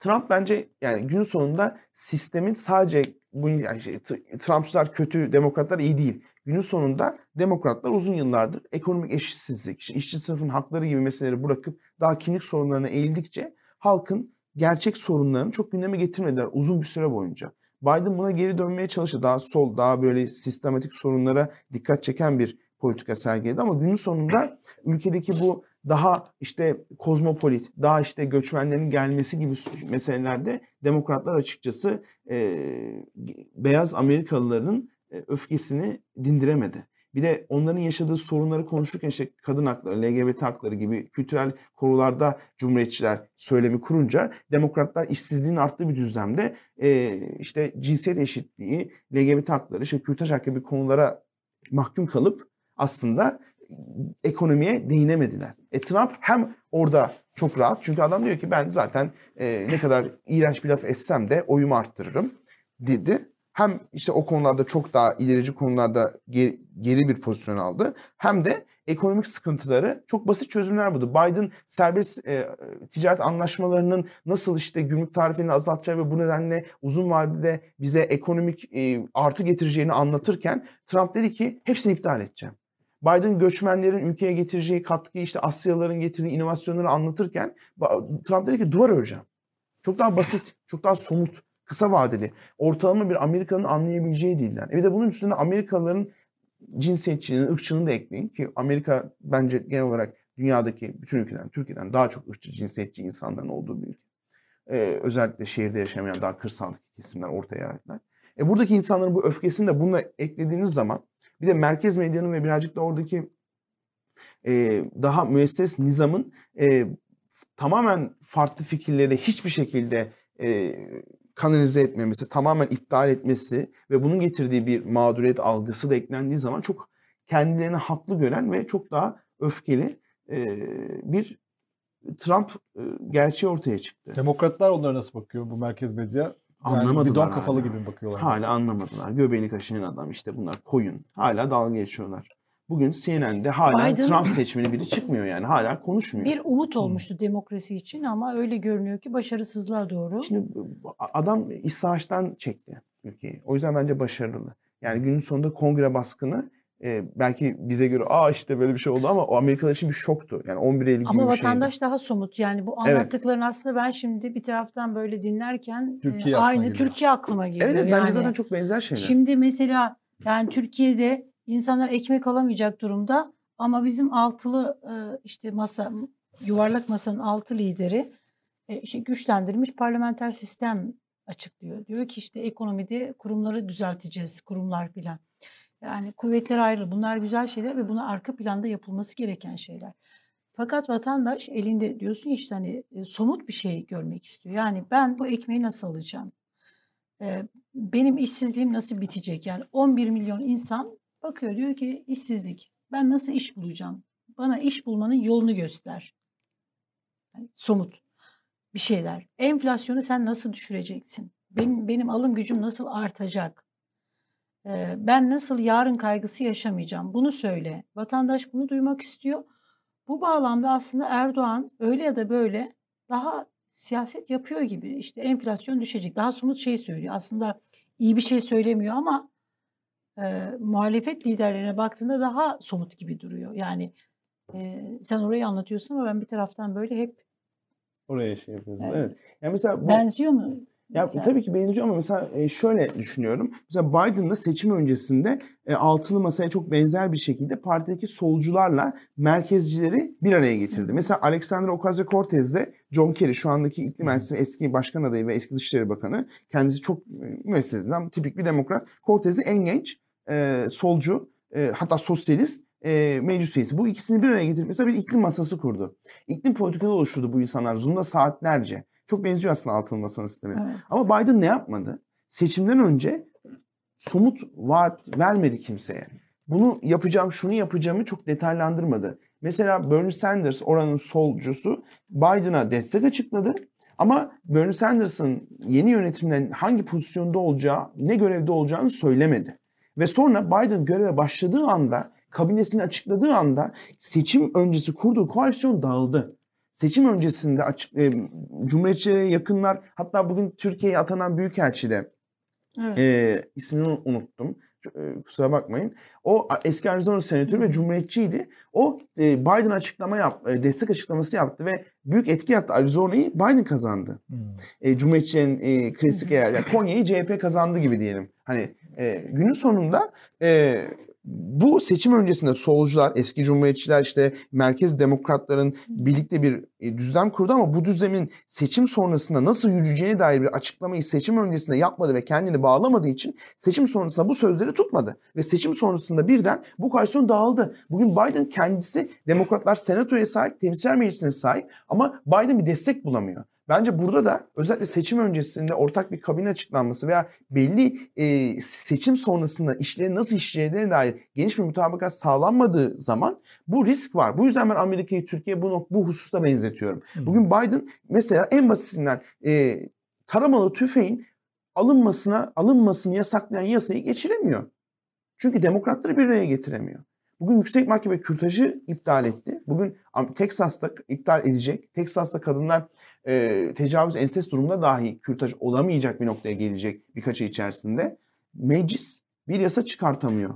Ve demokratlar bir araya gelemediği için. Çünkü hepsi Biden'a öfkeli. Yani kendi paylarına düşeni seçim döneminde verdikleri desteğin karşılığının alınmadığını, sözlerin tutulmadığını düşünüyor. Ve Biden bunu denklemleri gözetemedi. Çünkü o da çok daha e, haklı olarak seçildikten sonra her şeye rağmen seçildim. Ben neden e, solcuları, ben neden küskün cumhuriyetçileri, ben neden merkez e, demokratları dinlemek zorundayım deyip kendi düş, yolunu yapıyor. Diyor ki ben kazandım diyor. Çünkü onun ismine bastılar, Biden'a bastılar. Yani bu koalisyonu dağıttı. E, ben o yüzden onun çok e, seçim öncesindeki o uzlaşmacı tavrının yansımadığını düşünüyorum. Belki bu altın masa tartışmalarında da daha fazla bir araya gelmek ve daha fazla geçiş sürecine dair bir mutabakata varmak bu. Ee, eğer benzeteceksek Türkiye ile Amerika'yı bunun çözümü olabilir. Peki aday açıklamalı mı altılı masa? Yani o, o konuda şey yapmıyor artık yani yorumum ol, olmasın. Neden olmasın? Yani- Bence ta- tam da hani olmalı. Yani hepimiz kendi fikirlerimizi beyan ediyoruz. Yani, Yani- o, bil- bilmiyorum o çok denkleme vakıf değilim. E, ama günün sonunda e, yani bana göre altılı masa veya herhangi bir seçime giren e, parti unsur ne kadar şeyi somutlaştırırsa, ne kadar çok şeyi detaylandırırsa o kadar iyi olur. Bugün mesela e, dünyadaki seçimlere baktığımız zaman e, yani bugün Brezilya'da da Macaristan'da da daha e, popülist bir liderle yarışırken karşı taraf ne kadar çok detaylandırıp somutlandırırsa ve ne kadar çok çalışkan olursa o kadar çok şansı artıyor bence. Macaristan'da öyle olmadı. Macaristan'da ama bence uzlaşmada yani orada çok uzlaşamadılar. Çok kavga ettiler kendi aralarında. Onun, sanırım Türkiye'de de yazıları çıktı ama daha çok e, milletvekili listelerine dair bir karmaşa yaşandı mesela orada. Hani e, Macaristan kezi çok farklı. Orada arkadaşlarım hep ekonomi iyi gittiğini ve daha ekonomik sıkıntıların olmadığını söylediler ama günün sonunda e, Amerika'da benim gözlemlediğim kadarıyla demokratların e, 2020 seçim zaferi ne kadar çok bir araya gelirsek ve ne kadar çok e, somutlarsak ve bu eksik kaldığı için kazanmalarına rağmen devam ettiremediler. Evet. Ve şu Mehmet Öz peki e, seçilecek mi yani? Bence seçilecek. Hı. Ve Mehmet Öz e, ilk Türk ve ilk Müslüman senatör olacak. Büyük bir olay. E, İlk Türk ve Müslüman. Çünkü Müslümanlar var ama Türk yok. Yok. ilk hiç Müslüman senatör yok. Senatör yok. Hayır. Evet doğru. Onlar temsilciler ilk Müslüman meclisinde. senatör Aa, olacak. doğru. İlhan Amar'ı biz Evet, evet. ama senatör. İlk Müslüman senatör Evet. olacak. Şimdi senatörün şöyle bir özelliği var. Senato bütün dış istihbarat bilgilerine vakıf oluyorsun. Bütün işte dış politikada çok etkili olsun. Savaş ilanı değil. Ve ilk kez bu coğrafyadan giden biri Orta Doğu özelinde orada söz sahibi olacak. Bu çok e, büyük bir olay. Türk vatandaşlarından çıkacak e, seçilirse. E, baskıya dayanamadı. E, bir R yaptı. Aslında e, çok ırkçı bir saldırıya maruz kaldı Mehmet Öz. Çünkü Senato ve Temsilciler Meclisi üyelerinin çifte vatandaşlığını açıklama zorunluluğu yok. Bugün biz Senato'da kimin çifte vatandaş olduğunu bilmiyoruz. İşte bir sürü İsrail, Almanya, işte başka ülkelerin çift vatandaşlıkları var. Ama Türkiye, Türk kökenli olduğu için e, Mehmet Öz'e bir baskı kuruldu ve o da e, geri adım attı ve dedi ki tamam ben seçirsem çıkacağım. Bu baskıyı kuran daha milliyetçi, cumhuriyetçi ise o zaman dedi ki "Ay, bu yetmez şimdi çık. O dedi ki benim hastanem var. O yüzden ben bu vatandaşlığı tutuyorum. Onu ziyarete gidip geliyorum dedi.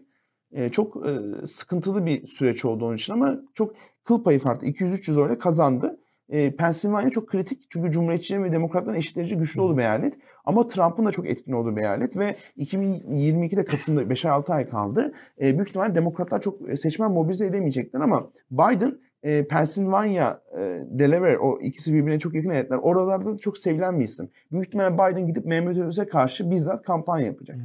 Yani biz de şu anda aslında çok ilginç bir yarış izleyeceğiz. Biden'ın e, Türkiye'nin çok yakından tanıdığı bir isme karşı kampanyasını göreceğiz. E, ben çok Türkiye belki kullanır. Türkiye kozunu da belki kullanır ona karşı. E, kullanır mı? Demokratlar e, normalde aslında ırkçılığa karşı olan bir kesim. E, günün sonunda çok sert mesajlar verdiler. Mesela bazı demokratlar işte askerliğini Türkiye'de yapmış. E, bu kişi Türkiye Cumhuriyeti'nin emrinde olacak. E zorunlu askerlik var. Yani sen nasıl buradan bir siyasi hikaye çıkarıyorsun?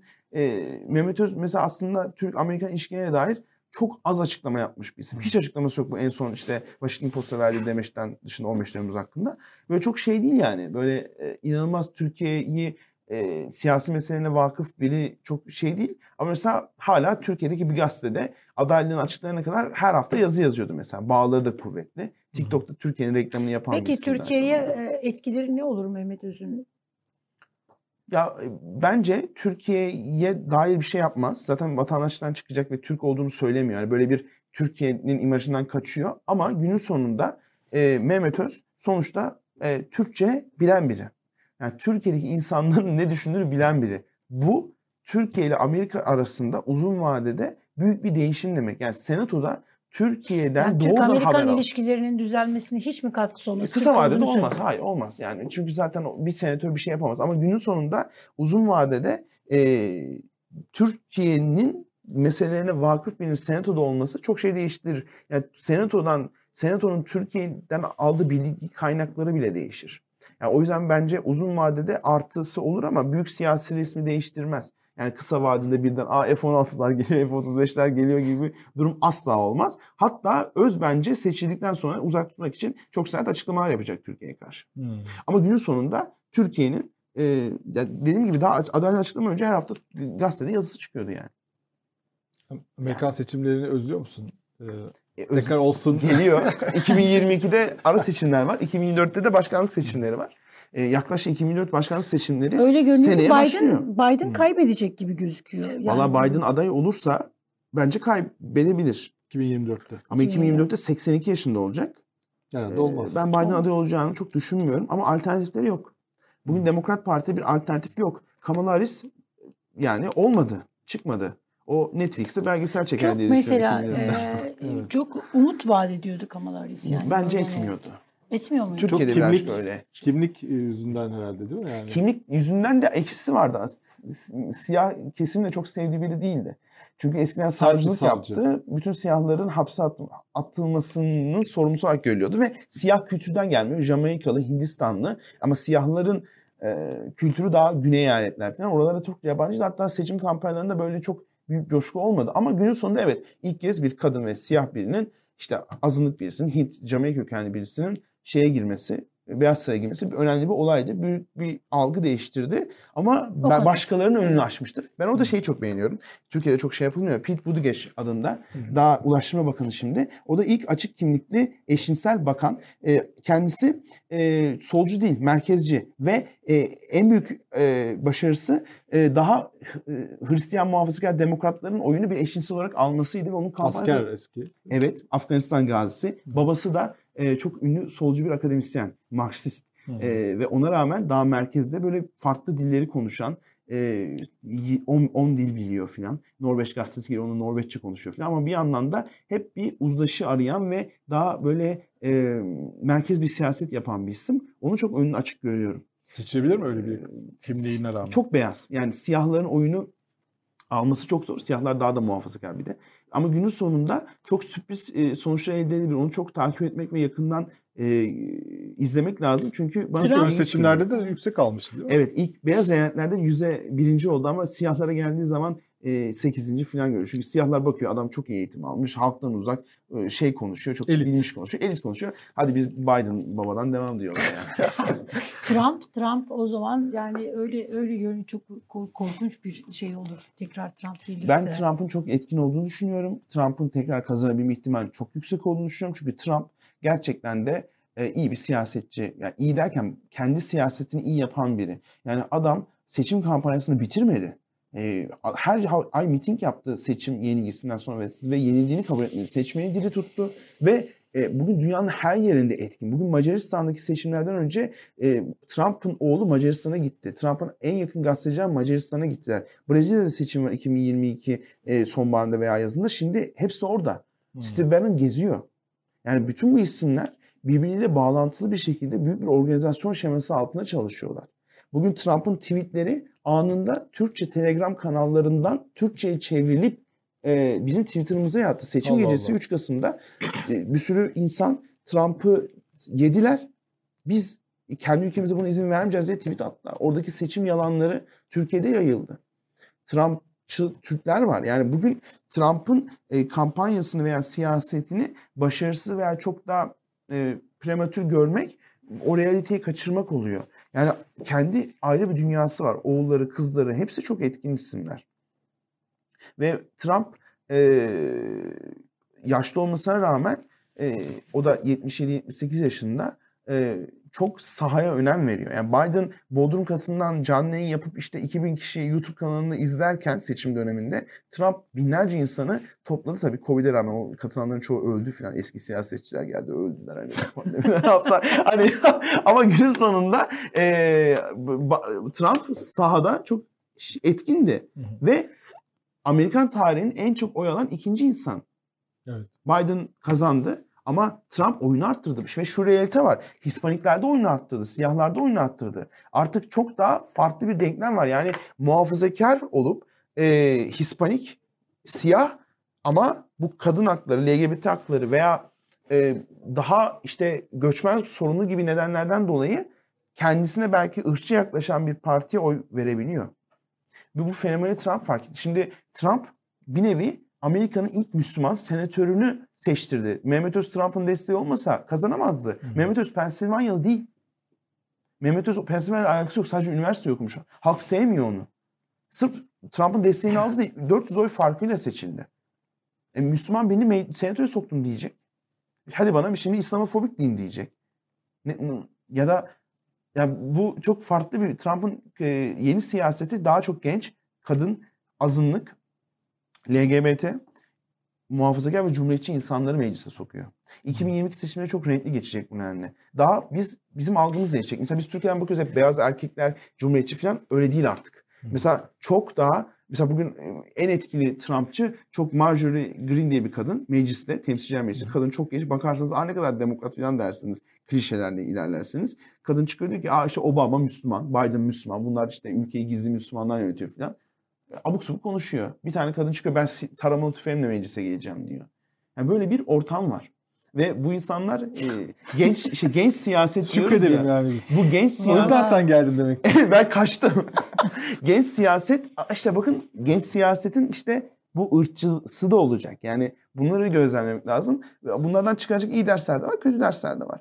E çok erken yorumlar yapılmış o zaman. Trump gidince işte dünyadaki otoriterleşme bitecek. Otoriter liderliğin Yok. sonu e, geldi, Macaristan'da bitiyor. olmadı. Yani, Yani olmadı. çok Şey, erken. e, söylemiştim biliyorsun İbrahim Uslu'nun en büyük tezi şeydi yani e, Biden'ın kazanması bütün dünyadaki o otoriter liderliğin de sonunu getirecek. Hmm. Demokrasi tekrar işte hani e, Ama orada- politikalar hakim olacak falan demişti. Seçim sonuçlarını kabul etmeme olayı Aslında Parametre. olabilirdi Biden eğer başarılı olsaydı. bence bu seçim sonuçlarını kabul Biden'ın başarısızlığı. Bence hem öyle hem de bu Trump'ın seçim sonuçlarını kabul etmedikten ve kongre baskını olduktan sonra Trump'ın cezalandırılması hemen gerekiyordu.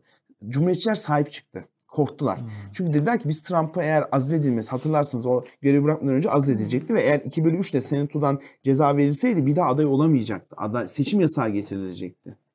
Şimdi seçim yasağını Cumhuriyetçiler getirmediler. Çünkü şeyden çok korktular. Trump'ın e, seçmeninin cezalandırmasından korktular kendilerini ve birden Trump'a esir düştüler. Şu anda Cumhuriyetçi Parti'de Trump'a karşı ses çıkan herkes koltuğunu kaybediyor. Ya Liz Cheney, Dick Cheney'nin kızı eski Bush'un başkan yardımcısının kızı tek başına kaldı.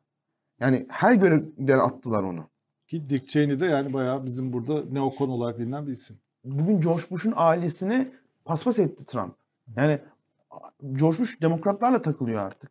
O en yakın arkadaşı Michelle Obama, Barack Obama. Cumhuriyetçiler destekleyin istemiyor. Mitinge katılabilir miyiz diyorlar. İstemiyoruz sizi diyorlar. Yani bugün o Trump'ın eee, o gücü eee, artık seçmen nezdinde eee, çok eee, konsolide olmuş. Trump yargılansa da artık o çok geç onu. Yunus Emre şimdi dedin ki demokratların başka adayı yok ki dedin. Obama bir seçenek değil mi mesela? Michelle Obama. Yok normal. Barack Obama bir daha aday olamaz. O iki dönem doldurdu. Ama Araya şimdi şey girdi tekrar. Yok iki dönem Olmuyor. en fazla olmuyor. İki dönem kuralı var. Michelle Obama'ya bir baskı var ama Michelle Obama da hani istemiyor. Ama mesela Michelle Obama kazanabilir aday olursa. O çok etkin biri. Ee, Bir de o e, hani Peki daha Amerika başkanlığı yapabilecek liyakat, ehliyet. hani e, var Yale hukuk mezunu. Hani bayağı iyi bir eğitimi var Michelle Obama'nın. Hatta Obama'dan daha iyi bir hukukçu bence. Ve siyasi bilinci de yüksek ama sonuçta tabii o onlar da öyle istemezler hani eski First Lady aday olsun ama böyle bir baskı Çünkü olacak. bir de şey var yani. Hillary Clinton'ın başarısızlığı var. Yani o da Ama Hillary oldu. Clinton çok ayrı bir case. Yani Hi- Hillary Clinton başarısız e, o hırsı Kazanamadı yüzünden yani. yani. kazanamayacağı belliydi ve inat etti ve Bernie Sanders gibi bir solcuya bile kıl payı ön seçim kazandı. Yani Bernie Sanders'ın e, o seçimde yüzde 40 al, o ön seçimde yüzde 40 alması büyük bir e, sürprizdi ve bir şeylerin sinyaliydi. Hillary Clinton çok sam, sahici, samimi bir lider Solcu değil. bir aday Ama bir de sempatik de gelmiyor. Ee, işte solcu aday şu anda yok ama ben e, Cortez'in işte bu daha şu an 32 yaşında falan bir 40 yaşından sonra e, bir sonraki seçimlerde işte 2028'de daha güç kazanacağını düşünüyorum. Demokratların parti yüzü değiştikçe bu etki olur. Mesela orada daha çok artık e, işte Müslümanlar, daha kadınlar, azınlıklar falan daha aktif oluyor. Ama 2024 değil de 2028. Çünkü e, bu 2024'te Trump'ın aday olma ihtimalini ekarte etmek isteyecektir sol kanat. E, Trump'a yenilmeyi sol kanat e, istemez. Onu merkezcilere verecekler ve merkez siyasetinin sonu başlıkları atmak isteyecekler bence. Ve Trump kazanacak yani. Ben 2024'te gerçekten Trump'ın şu andaki şansının yüksek olduğunu düşünüyorum. Ukrayna meselesi büyük bir başarı oldu Biden için. Şu an gerçekten o mesele inanılmaz büyük bir başarı ama onun ekonomik yansımaları işte benzin fiyatları artıyor, market fiyatları artıyor ve işin komiği Demokratlar ve Biden e, kendi aralarında bir toplantı yapmışlar. İşte böyle bizdeki Bolu kampı gibi hani partiler yapıyorlar ya. onlar da işte atıyorum işte Camp David istişare toplantıları falan yapmışlar. Orada Demokratlar demiş ya market fiyatları artmıyor işte. Ben en son markete çık gittiğimde aynı fiyata alıyorum peynir falan. Birkaç solcu demiş ya siz markete gitmiyorsunuz ki sizin personeliniz gidiyor, çalışanınız gidiyor. Evet doğru ben 5 senedir markete gitmiyorum demiş Nancy Pelosi. Yani günün sonunda onlar da gerçekten kopuk demokratlar. Kadın yaşıyor Kaliforniya'daki villasında. O da demokra e, alışmış tamamen e, kapalı kapılar ardında yasa tasarıları onaylama. Lobi şirketleri gidiyor geliyor. E günün sonunda halktan kopuk. E ama Cortez 32 yaşında hala kira ödüyor evi yok. Hala gidip markete kendi alışverişini kendi yapıyor. Metroya biniyor ya. Metroya biniyor. Nancy Pelosi hayatında kaç kere metroya bindi? Yani günün sonunda demokratların da bir halktan kopukluğu var. Onun cumhuriyetçiler de tam tersi. Onlar da inadına halka inmeye çalışıyorlar. Hem büyük şirketlerden para alıp hem de sağ çalışması yapıp. E, bence bu yine saha da orada e, şey e, işe yarayacak. Mesela hatırlarsanız Andrew Yang vardı. E, böyle daha Asyalı, böyle Twitter'da çok etkin. Türkiye'de de hatta bayağı popüler oldu. İşte Türkiye'nin Andrew Yang'ı kim olacak? Biz de yurt dışında işte Macron falan, Türkiye'nin Macron'u falan böyle bir gaza geliyoruz ya hani bizde öyle biri olsun bize gibi. O mesela sosyal medyada çok etkin işte 5 milyon takipçisi var. E, New York Belediye Başkanlığı seçimlerinde 5. oldu adam. Çünkü sosyal medyadaki like'ı oya dönüştüremedi. Hiç bilinmeyen bir adam birinci oldu New York'ta. Ve adamın Twitter takipçisi 10 bin. Yani demokratların bir sosyal medya tuzağı da var. Biden danışmanları seçimi ilk gecesinde bizim en büyük avantajımız 6 ay boyunca Twitter'ı kapatmak oldu demişti. Bakmadık Twitter'a demişti. Sağdaydık. Sağda da değillerdi. Bodrum katında kapanmışlardı pandemi nedeniyle. Ama günün sonunda sosyal medya taşmadan uzaktılar. Amerika'daki demokratların sıkıntısı bu. Sosyal medyaya, yankı odalarına kapalı kalıp daha işte eşler dostlar birbirini ağırlıyor moduna geçmeleri. Ve Evet. seçmeni aşağılamaları. Küçük görmeleri, hor görmeleri. Çok tanıdık şeyler bunlar. Çok. Aynen. Evet. Yani Küçük Am- Türkiye. Sen Amerika'yı anlat, biz Türkiye'yi anlayalım. Biz hep öyle diyor. dinliyoruz Evet, böyle dinliyoruz. Böyle oluyor zaten genellikle yurt dışında atıyorum Fil- Filipinler seçim hakkında bile yazsanız bir şekilde birisi gelip Türkiye'ye bağlıyor. Ama bu normal bir şey çünkü onlar da bizi takip ediyorlar işte. Onlar da bakıyorlar kim ne demiş ne yapmış diye. Aslında böyle olur. Yani başka birinin seçim kampanyası konuşması Türkiye'deki birisine ilham olur. Çünkü bu fikirler denenmiş. Yani ülkeler çok farklı ama günün sonunda e, bir kampanya fikri, bir poster fikri, bir konuşma fikri e, ortak oluyor. Dertler ortak çünkü. Yani bu kadar dünya birbirinden kopuk değil. Peki Borgen dizisinden bizim siyasetçiler bir şey öğrenebilir mi? Valla öğrenmek isterlerse öğrensinler ama günün sonunda e, Borgen'deki o pragmatizm, Briget e, liderimizin e, o Evet. pragmatizmi ve fikir değiştirmenin, e, orta yolu bulmanın aşağılanmadığı bir e, düzlem bence bütün Türkiye izlesin. Yani e, günün sonunda e, Çıkartılır ama yani orası Son Türkiye'de sezon evet. geldi çünkü. Bir de Evet. yeni sezon. son sezon e, Netflix'te var şu anda ve orada bile yani ilk sezonlarda zaten bence e- en çok vardı. Yani Brigitte bugün e, Twitter olsa Türkiye'de her gün linç edilirdi. Hı. Çünkü hep orta yolu bulmaya çalışan hep bir daha Fikirlerini değiştiriyor. Evet ve pragmatizm ile hareket ediyor. Şimdi pragmatizm Türkiye'de kötü ama o ne yapıyor? Günün sonunda bir e, sorunu çözmek için yaratıcı yollar deneyip farklı insanları bir araya getirip herkese konuşuyor. Bir aşırı sağcılara gidiyor, bir sağcılara gidiyor, solculara gidiyor. İklim politikasının nasıl e, işe yarayacağını düşüp ona göre kendini tayin ediyor ve kendini güncelliyor. Ve bunu yaparken de kimse ona çıkıp da ya işte sen çeliştin, şey yaptın e, diyenlere de yeniyor. Ya ve o bence çok değerli bir şey. Tabii günün sonunda oradaki e, bu işte yok e, mail attın gazeteciye yorum yok dedin diye başına senin e, eleştiri gelecek diye hani böyle daha hesap verilebilir olmasına iten şeyler Türkiye'de imkansız. Komisyonda yalan söyledin istifa et.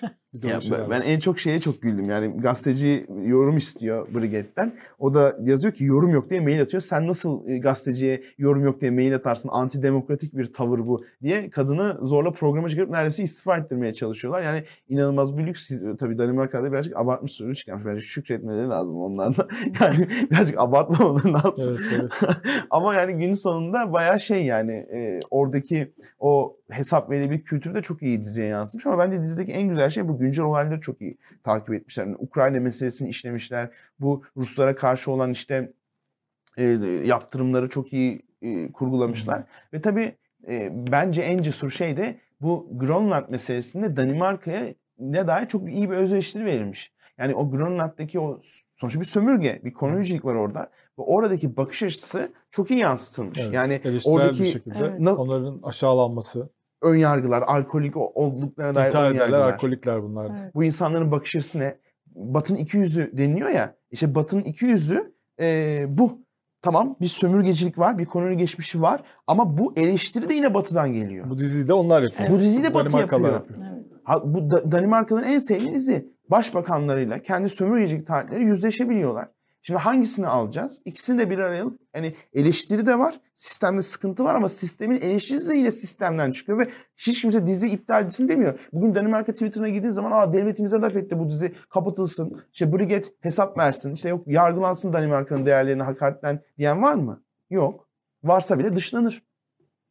E, güçlü devlet değiller o yüzden yani devlet İşte bence esas şimdi güçlüler.